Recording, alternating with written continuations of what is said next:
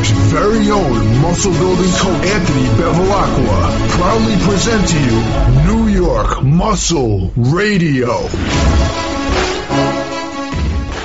Here are five of my best nutrition tips for fat loss. So tip number one, protein.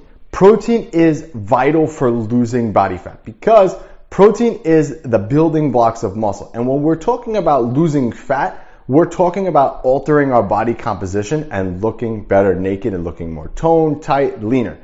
Muscle is key with that. So having more protein in your diet is going to be essential for maintaining that muscle tissue, but also when you consume protein, your body has to heat up a little bit to burn off that those extra calories and to burn off that protein. So you actually increase your metabolic rate when you consume protein. I recommend about one gram per pound of body weight. So if you weigh, again, this is just a general rule, but if you weigh 150, 150 pounds, you want to have about 150 grams of protein every day. Higher protein diets have been shown time and time and again to help you lose more fat and be able to keep that fat off. All right.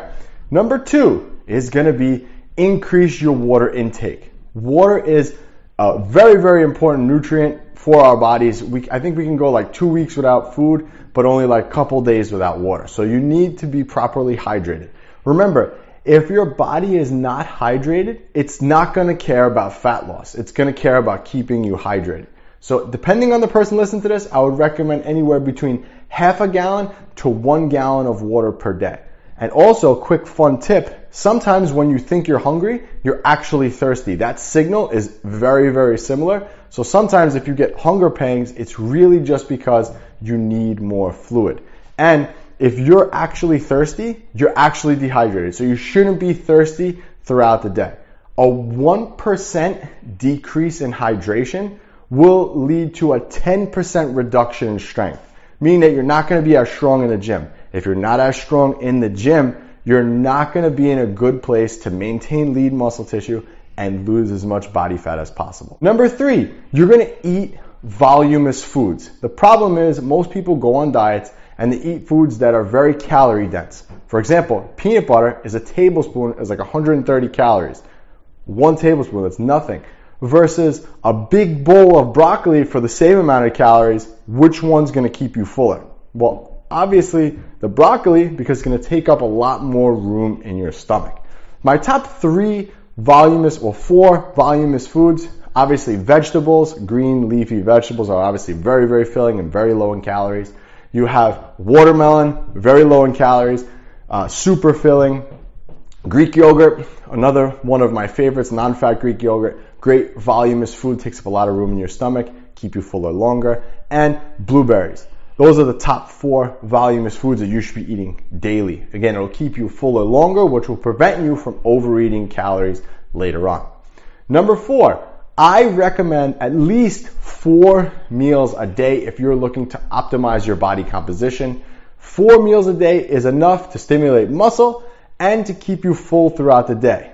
The old adage, which started back in like the 90s, was like you have to eat six, or six, seven, eight small meals a day in order to lose body fat. Problem is those meals are so small, they're not filling at all. Three meals is probably not optimal to maintain the amount of muscle tissue you have. So four is a good balance where you're going to give your body enough feedings of protein throughout the day, but so much so that the meals are a little bit bigger, keeping you fuller longer. So four meals a day.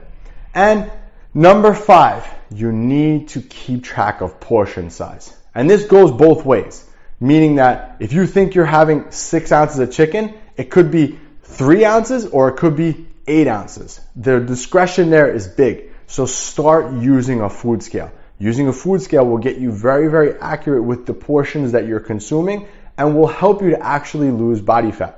So many people will come to me and will say, I don't understand why I'm not losing weight and body fat. I'm having two pieces of chicken every day for lunch.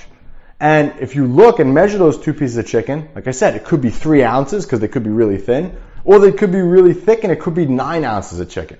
So the, the, discrepan- the discrepancy in calories is very, very high there. So I would highly recommend getting a food scale. So those are the top five nutrition tips to help you lose weight. If you want help with setting up this your diet and fat loss regime, you can click that link below and pick up my blueprint book directly on Amazon and it'll walk you through step by step exactly what you need to do. Say Anthony, and I'll catch you on the next one. And that's the episode. Don't forget to subscribe, leave us a five star review, and pick up our signature muscle building programs at NewYorkMuscleRadio.com. Thanks for listening. This was New York Muscle Radio, and we're out.